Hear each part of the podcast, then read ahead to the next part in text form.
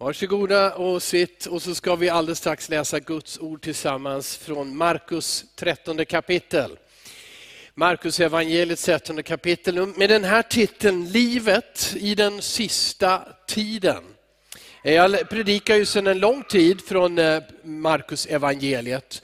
Där jag upplever att Markus betonar Jesus som den tjänande kungen. Han är kung, men han tjänar dig och mig och vår mänsklighet. Eh, och eh, det här med sista tiden, att kalla titeln för det, ja, det Johannes evangeliet när det skrevs på 90-talet, så skrev han, kära barn, den sista tiden är här. Skrev Johannes och betecknar den så, tiden mellan Jesu himmelsfärd tills dess han kommer tillbaka, är den sista tiden. Varmt tack Neff, som är och gästar oss. Han är hemma från Örebro där han annars bor, men nu tjänar han på en gång. Tack ska du ha, en applåd för Neff. Och mycket välsignelse till dig i Örebro, men vad härligt att du är hemma idag. Du missar inte ett tillfälle. Hörrni, då står det, finns det ju också sådana här uttalanden från Paulus, andra Timoteus eh, 3 och 1. Du ska veta att i de sista dagarna blir det svåra tider. Och Det här talet som Jesus ger och som i Markus evangeliet är ett kapitel långt, talar om hur ska du och jag leva i den sista tiden. Vi som följer Jesus, när han har lämnat jorden, regerar i himlen, har vunnit en seger överallt, men synden ändå tillåts att verka i vår verklighet på jorden. Och vi lever i en väntan på att han ska komma tillbaka och allt ska bli fullkomligt. Allt ska bli förlåtet, helat, upprättat och världen ska leva utan synd, sorg, saknad, skador. Allt ska bli fullkomligt. Men vi lever i väntan på det och Jesus är mån om att tala om för oss hur ska vi leva, hur ska du leva i den sista tiden. Markus kapitel 13 och vi tar de 13 första verserna. Så det här blir ju en liten miniserie framöver. Eh, eftersom det här också är ett längre kapitel. Så det här blir den första predikan om just det här temat. Hur ska vi leva i den sista tiden? Kapitel 13, jag kan väl säga så här att eh, eh, då, har han, då, har han, då lämnar han, det står så här, när Jesus gick ut från templet. Det är sista gången som Jesus lämnar templet. Han har kommit och gått, han har varit inte inne i templet men på tempelplatsen. Han har undervisat, han har helat, han har träffat människor. Det sista han gjorde, den sista, senaste predikan ur Markus evangeliet var om änkan som inte hade någonting mer än två små kopparmynt. Och de offrade hon, de gav hon i tempelkistan till Guds ära. Men nu står det, när Jesus gick ut från templet sa en av hans lärjungar till honom, Mästare, se vilka stenar och vilka byggnadsverk. Jesus sa till honom, ser du dessa stora byggnader? Här ska inte lämnas sten på sten, allt ska rivas ner. Jesus satt på Olivberget mitt emot templet. Och Petrus, Jakob, Johannes och Andreas var ensamma med honom. Då frågade de, säg oss, när ska det ske? Och vad blir tecknet när allt detta ska uppfyllas? Då började Jesus tala till dem. Se till att ingen bedrar er. Många ska komma i mitt namn och säga, jag är Messias, och de ska bedra många. När ni får höra stridslarm och rykten om krig, bli då inte förskräckta. Sådant måste komma, men det är ännu inte slutet. Folk ska resa sig mot folk och rike mot rike. Det ska bli jordbävningar på många platser, det ska bli svält. Detta är början på födslovåndorna. Var på er vakt. De ska utlämna er åt domstolar och ni kommer att bli misshandlade i synagoger och ställas inför ståthållare och kungar för min skull som vittnen inför dem. Men först måste evangeliet predikas för alla folk. När man fört bort er och utlämnar er ska ni inte bekymra er i förväg för vad ni ska säga, utan tala vad som ges er i den stunden. Det är inte ni som talar, utan den heliga ande. En bror ska utlämna sin bror till att dödas och en far sitt barn. Och barn ska göra uppror mot sina föräldrar och döda dem. Ni kommer att bli hatade av alla för mitt namns skull, men den som håller ut till slutet ska bli frälst. Så lyder Guds ord. Fader i himlen, vi tackar dig för Jesu undervisning. Och nu ber vi att du ska hjälpa oss att ta till oss vad du säger. Och vi ber som utifrån texten om den heliga Andes kraft att leva så.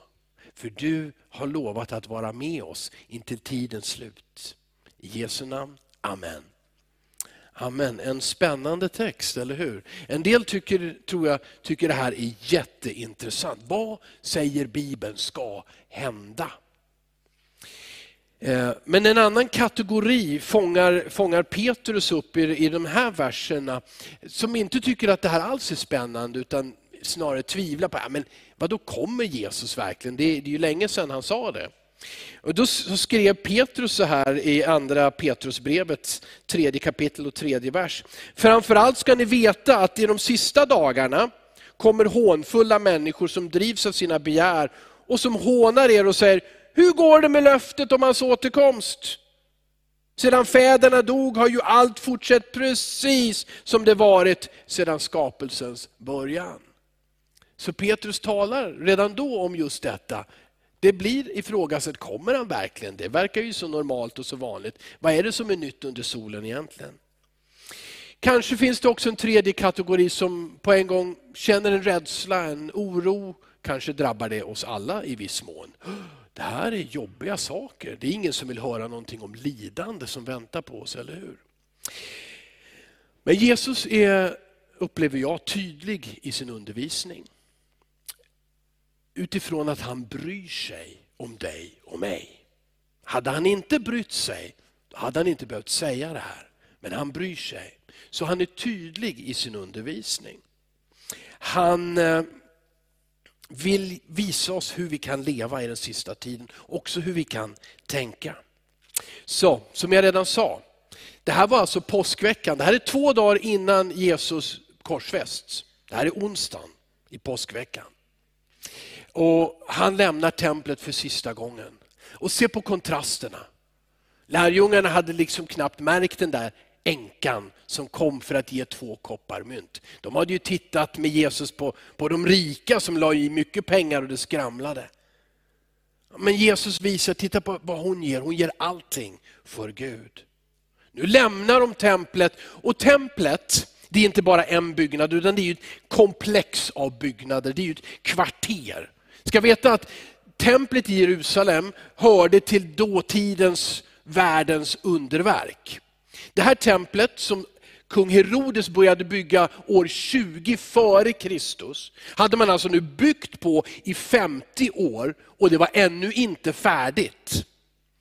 Och det var dubbelt så stort som Salomos tempel. Och det var på det som heter Moriaberg. Ni vet Jesus satte sig sen på, på, på Olivberget, det är inga stora berg, men det är ändå berg, det är höga kullar. Och uppe på Moriaberg så var detta tempel och det var marmor. Det var vit marmor och det var guld.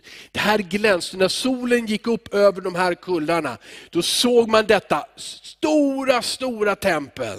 En enorm byggnad, vit och guld. Människor var imponerade av detta. Man kände till detta i romarriket. Och lärjungarna, åh, kolla Jesus! Och Jesus är väldigt sådär äh, torrt, nykter, när han säger, ja men ni ser stenar och det ska inte lämnas sten på sten. Allt ska rivas. Och då kanske ni som har varit där kommer ihåg att det, det är inga småstenar. En av de här stenarna, en av de här stenarna som är ett fundament i templet vägde, den enda stenen, 100 ton. Ett, en sten som vägde 100 ton. Det här var enorma stenblock som han hade format och fört dit. Det här är otroliga grejer. Än idag.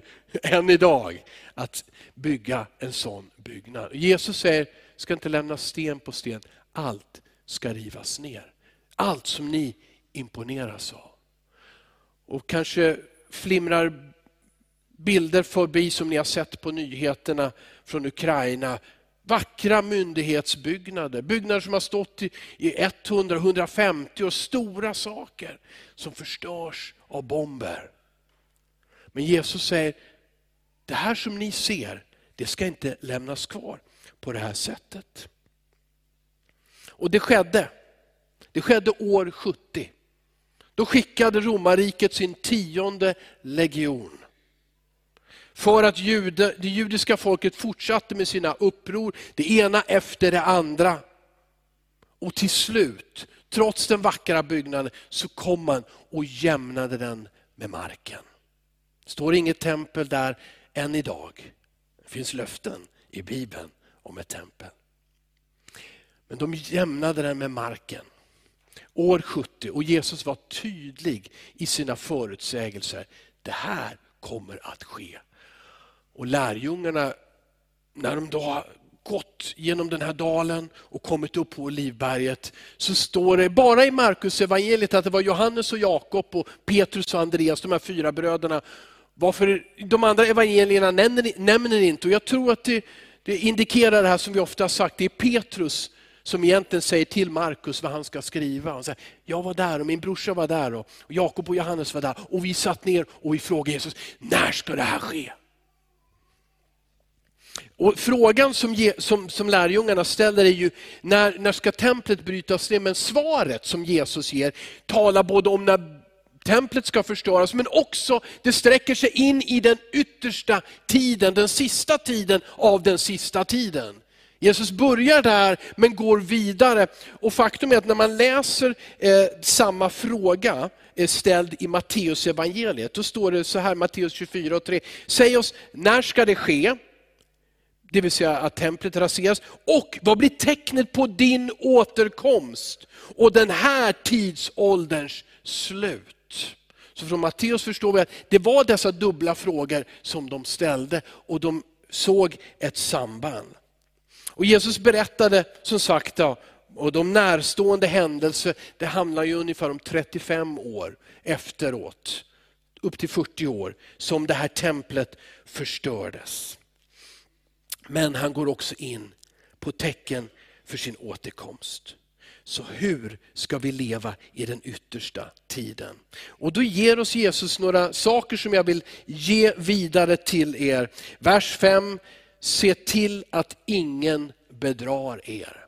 Det, här, det, är det, som, det är det första Jesus säger för livet i den sista tiden. Och jag säger en gång, det sträcker sig från då, från Jesu himmelsfärd, tills dess han kommer tillbaka. Men naturligtvis så blir det också intensivare i avslutningen av den sista tiden. Han säger, låt ingen bedra er. Och Det fanns mycket, många Messias-gestalter, många människor redan då som hävdade att de är världens frälsare, de är hoppet, de kan leda. En av de här välkända historien, i alla fall för de som tycker om historia, Simon Bar Kokhba. Eh, och det var ungefär på 130-talet, så det var en tid senare. Han utnämnde sig själv till Messias, eller hans efterföljare gjorde det. Och de startade ytterligare en revolt det räckte inte det som hände år 70. Och det, det, det som följde på det var att det blev förbjudet för judar att leva i Judeen, i den provinsen. De sista fördrevs ut ur den provinsen. Att överhuvudtaget få leva i Jerusalem och i sitt hemland. Sen har det skett i alla fall genom årtusenden. Men Jesus varnade för den här typen av självutnämnda Messias som med makt och politisk kraft och våld ska rädda världen på sitt sätt. Jesus är en kung, men han är den tjänande kungen. Han gav sitt liv för dig och mig. Han sa inte, kom och följ mig för jag är bäst. Och när ni är med mig och när ni är med era pengar, då ska vi besegra de andra. Då ska vi väcka opinion och så ska vi rätta till det här. Utan han, och det är bara han, han sa jag dör för dig och jag dör för dig. Jag dör för dig. Jag tar lidandet på mig och din synd. Jag lägger ner mitt liv, kungars kung och herrars herre. Han är den tjänande kungen, den enda Messias som är värd att följa. Men han säger till dig och mig, låt er inte bedras och bländas av byggnadsverk, av starka ledare, män eller kvinnor som imponerar. Låt er inte förföras ut av det, utan följ den sanne Messias, Jesus Kristus.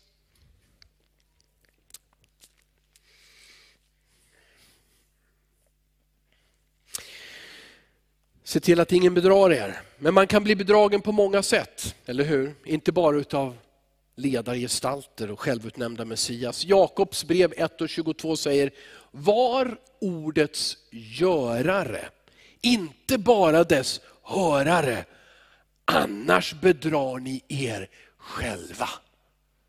Att höra Guds ord är rätt, det är bra. Att läsa det studera det är ännu bättre. Men om det stannar där, om du inte gör vad Jesus säger, tar till dig och låter det forma ditt liv och din vardag. Då säger Jakob, då riskerar du att bedra dig själv. Du kan inte nöja dig med vad sägs i en predikan. Vad, säger, vad hinner de med under den lilla tiden? Utan låt Guds ord fylla din vardag. Läs, ta till dig det som är enkelt och härligt men också det som är svårt och utmanande. Och säg, jag vill för att Jesus har sagt det. Jag vill leva så här. Jag vill följa honom. Då bedrar du inte dig själv. Och då riskerar du inte heller att bli en bedragare för andra. Jesus varnar för blinda som leder blinda. Sådana vill vi inte vara. Men vi vill vara seende, andligt seende. Det andra som Jesus säger, eh, ja han säger mycket, men jag, som jag plockar ut här utav, utav imperativ. Det var lite grammatik igen, förlåt. Eh, bli inte förskräckta, säger han. Det här är i vers 7. När ni får höra stridslarm och rykten om krig, bli då inte förskräckta. Sådant måste komma, men det är ännu inte slutet. Ser du, där, där, där det här greppar tag i oss. oh, oh, krig. Vem hatar inte krig? Vem är inte rädd för det? Svält. Vad fruktansvärt att inte... Det är klart att man blir... Men Jesus säger mitt i det, bli inte förskräckta. Och ni känner igen hur han genom hela Bibeln och Jesus, Guds änglar, de säger, var inte rädd, var inte rädd, var inte rädda. Jag är med er. Bli inte förskräckta. Det här är vad jag tror att Jesus vill säga här. Eh, men för att ändå stanna vid det här tuffa, så i Lukas evangeliet så Eh, enligt Lukas evangeliet 21 kapitel och 11 vers så sa Jesus ännu mer. Och det här blir rätt så intressant om vi tänker, tycker jag, på den tid som vi lever i. Den pandemi som vi har bakom oss och de rykten om krig och det krig som har kommit närmare oss. I Lukas så säger Jesus så här, folk ska resa sig mot folk och rike mot rike. Det ska bli stora jordbävningar och svält och pest på den ena platsen efter den andra och skrämmande syner och väldiga tecken från himlen. Jag vet inte vilka syner det är som vi ska se. Jag inte, vet inte med övertygelse om vad är det för skrämmande tecken vi ska ha. Men jag vet att vi har, har och har haft en pandemi som har blivit välkändare än alla pandemier i snabbare tid än någonsin. Och jag vet att vi precis andades ut och började bli glada och så uppstod ett krig. Jag hade mina andra teorier. Jag trodde att Kina skulle anfalla Taiwan. Det jag väntade. OS tar slut tänkte jag och då anfaller de. Ja, nej, men det gjorde de inte, tack och lov. Men då kom det här istället. Mycket närmare. Också geografiskt för oss som bor här. Nu är inte vi jordens mitt, vi är bara i Sverige. Okay? Kom ihåg, vi är utkanten. Jordens mitt är Jerusalem. Det är där Jesus ska sätta sin fot på Olivberget igen. Men även här så märker vi tecken. Men bli inte förskräckt. Vi har haft pandemi. Skulle vi vara ansvarsfulla och försiktiga? Ja. Skulle det leda till vår rädsla för andra människor? Nej! Nej! Vår mästare Jesus Kristus, han tvekade aldrig att gå fram till en spetälsk och lägga sin hand på dem. Och Det var inte bara för att han var Guds son, han hade tolv stycken tvivlare med sig som verkligen var svaga i tron. Han tog med dem också, han la sina händer på de spetälska. Ska vi vara ansvarsfulla? Ja. Ska vi vara försiktiga? Ja. Ska vi bry oss om allas bästa? Ja. Ska vi följa rekommendationer? Ja. Ska vi bli rädda? Nej! Guds församling och du får aldrig bli rädd. För det är inte det som Jesus har sagt om livet i den sista tiden. Han har inte sagt bli rädd. Han sa, jag ska bara tala om för er, för det som kommer måste komma, så att ni vet om det i förväg. Men då ska ni inte tappa fattningen och bli rädda. För ni vet det här måste hända. Vi behöver inte heller bli cyniska och lägga armarna i kors, utan vi ska hjälpa. Vi ska hjälpa, vi ska uppmuntra, vi ska respektera, vi ska älska. Men vi vet om att det här hör till. Och Jesus säger med som självklarhet, har de förföljt mästaren, då kommer de också att förfölja hans efterföljare. Vi ger exempel ifrån Apostlagärningarna 8. Saulus, innan han hette Paulus, så står det om eh, eh, kapitel 8, vers 3. Saulus försökte utplåna församlingen. Han gick in i hus efter hus och släpade ut både män och kvinnor och satte dem i fängelse. Det här började tidigt och det här har präglat kyrkans historia. Jag översatte inte här nu, men det stod i Forbes, Forbes magasin, mycket välkänt magasin. De citerade uppgifter från Open Doors för ett år sedan och sa i genomsnitt varje dag, om jag översätter spontant, så blir 13 stycken kristna dödade för sin tro. 12 stycken kyrknader eller kristna byggnader blir attackerade. Alltså vi pratar om denna söndag i genomsnitt. Så dödas 13 kristna på grund av sin tro. Inte för att de råkar vara del av ett större krig, utan för att de är kristna. 12 stycken kyrkor eller kristna byggnader attackeras, sätts i brand på något sätt. 12 stycken kristna blir arresterade idag, genomsnitt, på o, o, ogrundat, utan vettiga anledningar om brott. Fem stycken kristna blir idag i genomsnitt kidnappade för att de tror på Jesus. Det finns de som säger att om man tar 1800, året 1800 som en delare, så har det dödats fler kristna efter år 1800, alltså de här sista 220 åren, än de 1800 år som var innan. Det här är nästan det vi skulle kunna kalla för normaltillstånd i den kristna kyrkan förföljelse. Och vi talar nu bara om extrem förföljelse i ungefär 50 länder på jorden, där det är så här kännbart. Sen talar jag nu inte om diskriminering. Nu talar jag inte om att, att någon vid, vid, vid, vid fikapausen skrattar åt att du är kristen. Jag talar om förföljelse med kidnappning, med mord, med fängslande på den här jorden. Men Jesus har talat om det. Och i den här, enligt den här statistiken så är det ett, en av åtta kristna som drabbas av seriös förföljelse. Men då säger Jesus så här i vers 10. Han har talat om olika tecken och jag går inte in i detalj mer på det. Men det största tecknet på att Jesus ska komma tillbaka finns, återfinns i vers 10. Det står så här, men först måste evangeliet predikas för alla folk. Först innan Jesus kommer tillbaka. Eh, I eh, Matteus evangelis 24 och 14 står det så här. Detta evangelium om riket ska förkunnas i hela världen till ett vittnesbörd för alla folk. Sedan ska slutet komma. Kan vi säga två saker just om detta.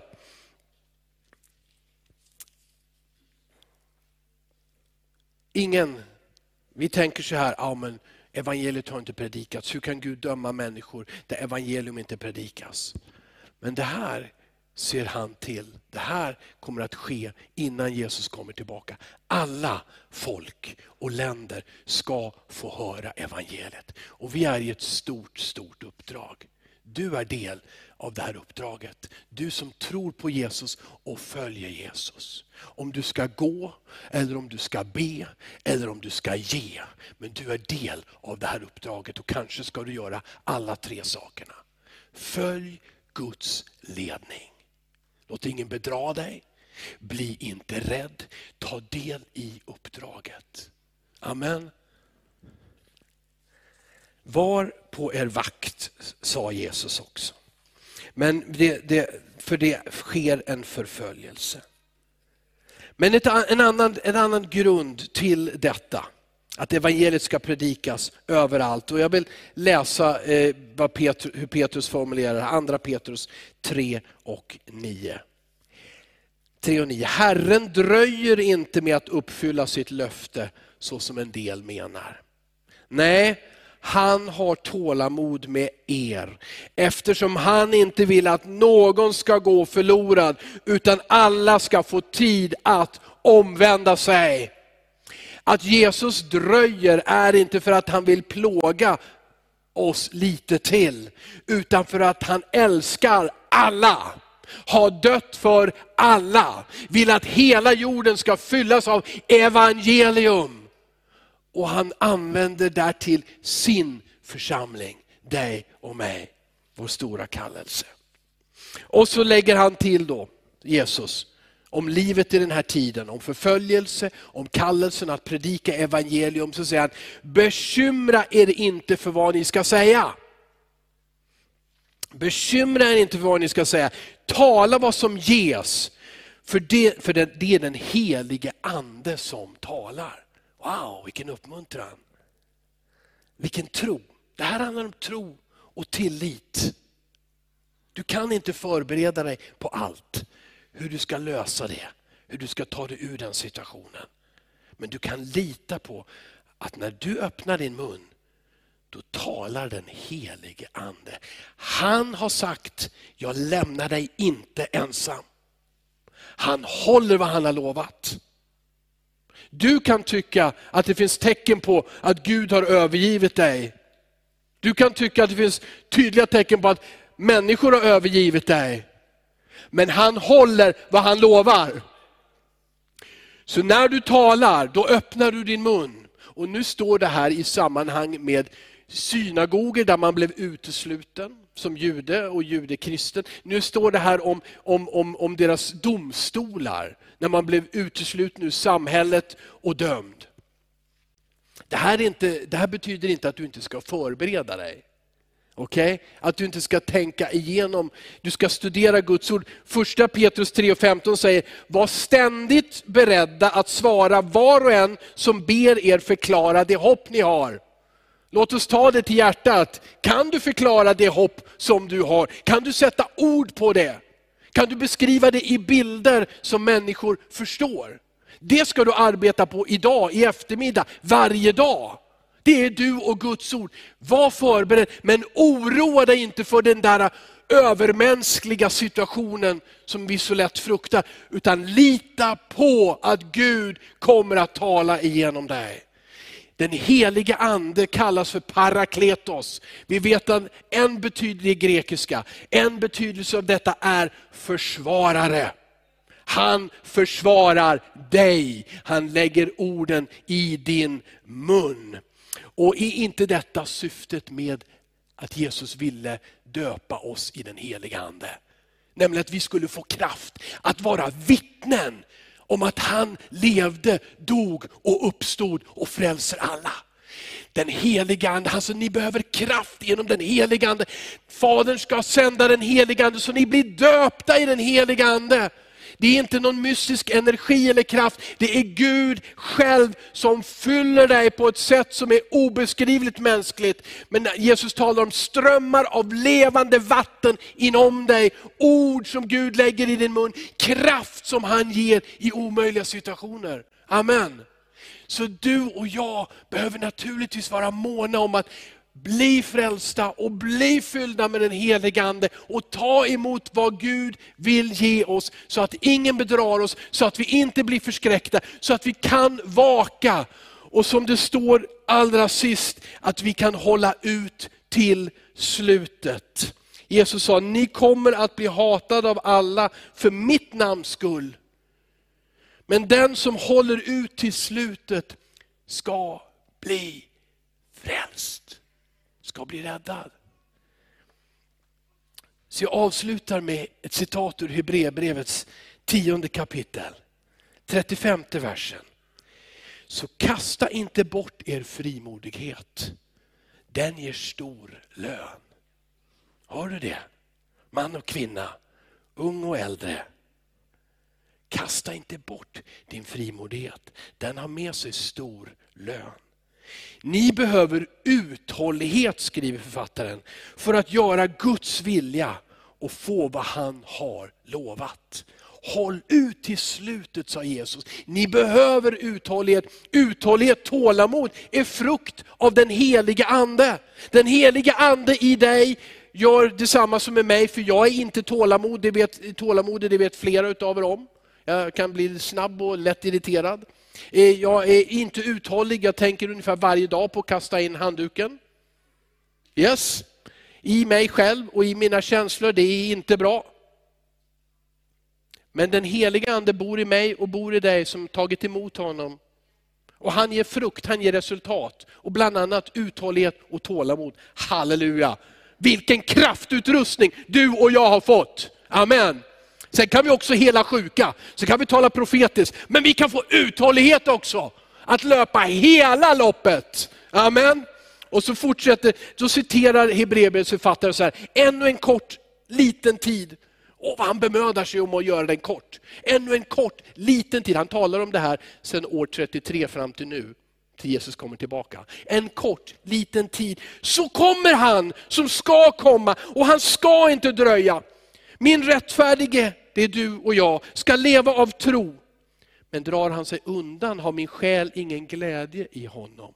En varning. Men så kommer ett starkt men. Men vi tillhör inte de som drar sig undan och går förlorade, utan de som tror och vinner sina själar. Kan du säga amen till Guds ord? Lär dig Hebreerbrevet 10.39. Vi tillhör inte de som viker undan. Utan vi tror och Jesus räddar oss genom vår tro på honom. Amen. Det är din bestämmelse, att leva i den sista tiden. Fortsättning följer. Fader i himlen, tack för ditt ord. Tack för Jesus själv. Tack för att vi får ta till oss det här så långt mycket senare ur vårt perspektiv, nästan 2000 år. Vi ber om din nåd över våra liv. Herre, att vi vakar, att vi inte blir rädda. Att vi håller ut till slutet. Att vi tar del i kallelsen och uppdraget och tjänar dig. Herre Jesus Kristus, du har gett allt för oss. Det lilla vi har, det vill vi ge tillbaka till dig. Ta våra händer, våra fötter, våra hjärtan. Använd oss Herre, jag ber dig. Tack för att du är med alla dina barn. Och än en gång, speciellt de som blir förföljda idag, i denna stund. Kidnappade, fängslade, slagna, mördade. Förbarma dig Herre. Och hjälp oss att aldrig ta till hämnden och våldet som svar. Vi vill följa din väg Jesus. Att be för människor att välsigna och lita på att du gör det som är rätt för alla. I Jesu namn. Amen.